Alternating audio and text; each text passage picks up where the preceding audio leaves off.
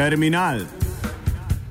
Vedno različni, nikoli isti, reš kolumnisti, isti, isti, isti, isti, isti, isti. Gotovi smo, torzo številka tri. Spoštovani, ne vem, kdo je to rekel, Sun Tzu, Klausevic ali oba, lahko pa bi bil tudi Karl Marx. Ne? Spoznaj svojega nasprotnika, vedi, proti čemu se boriš. Seveda se s to dokaj standardno temo politične teorije ukvarja tudi najnovejša nova levica. Tako teoretska kot praktično politična. Vendar se zdi, vsaj kolikor jaz spremljam to prakso, da se oboji ustavijo pri istem starem vzorcu, formuli in mantri znani že 150 let. Kapital, kapital, kapital. Jasno in pregledno, zunani sovražnik je. No, bil je sicer tudi neki Wilhelm Reich, ki je pro, pro, poskušal nekaj eh, drugega, malo še drugače formulirati s, s pomočjo Freuda in tako naprej, ampak je seveda dis, diskreditiran in ga tako rekoč nihče več ne obrajta.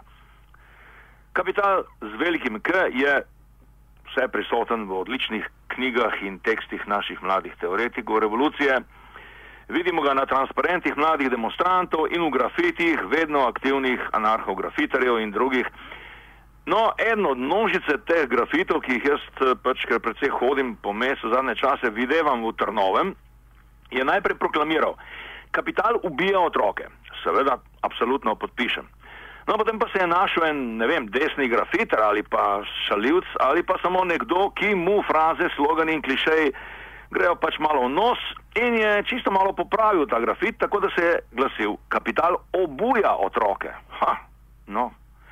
Naslednja devolucija bo morda kapital obuva otroke. Končna inačica pa bi lahko bila kapital uboga otroke. Prosim, si upak doreči, da to ni res? Torej, jaz si upam reči, da je res ko pribito.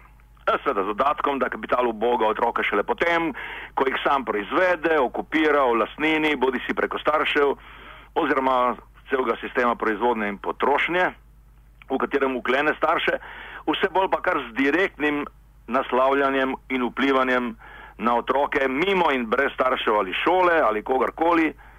Namreč kultura spleta in mobilnih telefonov je idealna za to.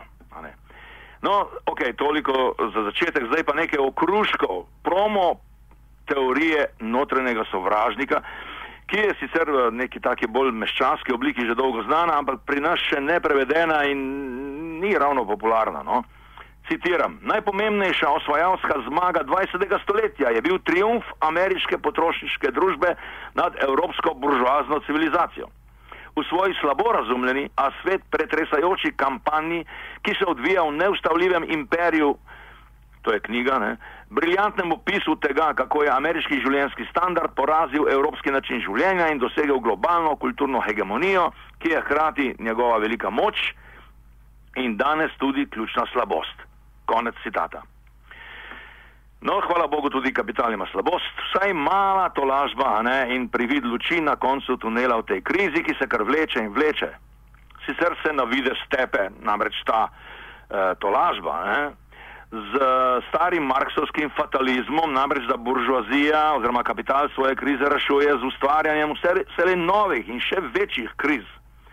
Ampak pustimo to, eh, ker gre predvsem za tematiziranje sovražnika znotraj, za bolj samokritičen uvid v to, kako se kapital, ne, vse, skozi vse svoje mogoče oblike, posebej pa potrošniške, zabavniške, virtualne, prostočasne, spletne, medijsko-logistične in druge kanale, trojane, kapilare že zdavnaj zajedu v dušo vseh nas, posamič in skupinsko, pa če smo še taki levičari naj takole začetek tega zelo, zelo skromnega poskusa, pa tudi prodomo suva, seveda, in za alibično pometanje lasnega praga, pa še v zapoznelo čast 45-letnice tega radia, ki mi je zelo ljub, ne, spomnim samo na njegovo prazgodovino, ki danes morda ni več tako zelo znana, namreč e, ena njegova plat.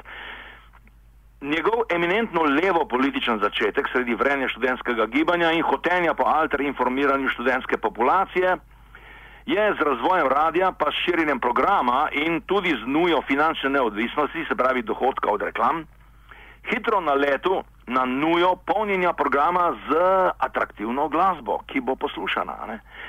To pa je bila seveda tedaj o pomanjkanju in slabostih domačega roka, jasno, anglo-ameriška pop-rock produkcija. In s to produkcijo je kar dosti časa radio študent zalagala tudi podružnica CIE v Ljubljani. To je bil tedaj ameriški kulturni center. Ni bilo slučajno, da politični novinari in glasbeni sodelavci, blago rečeno, nismo bili na isti valovni dolžini v 70-ih letih in da so RS glasbeniki, kot smo jim rekli, na to masovno odšli na val 202. Kasneje z Buldožerjem, Pankom in Lajbahom so se stvari za nekaj časa nekako spremenile, seveda dobile neke druge dimenzije, ampak potem seveda z udorom integralnega kapitalizma, privatizacija nacionalnih frekvenc in tehnoelektronske glasbe kot naslednice reakcionarne disko-šminkerske glasbe 70-ih, pa so se stvari spet spremenile.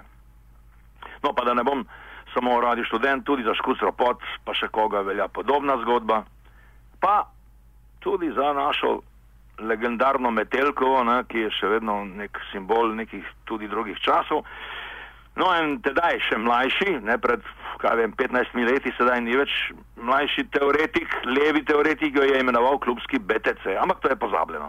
Skratka, pot bodoče revolucije bo še dosti bolj trda in trnova, kot mislimo danes, ne, v času največje krize, ko naj bi bila tudi pač prosto pod Danteju in Karlu Marksu rešitev bližja. Kaj ti potencijalne otroke rdeče kapice revolucije? tako imenovano mlado generacijo, hudi volk, kapital, kar sproti gota. In kaj potem bo ostalo za jest sami revoluciji? Lahko noč in srečno.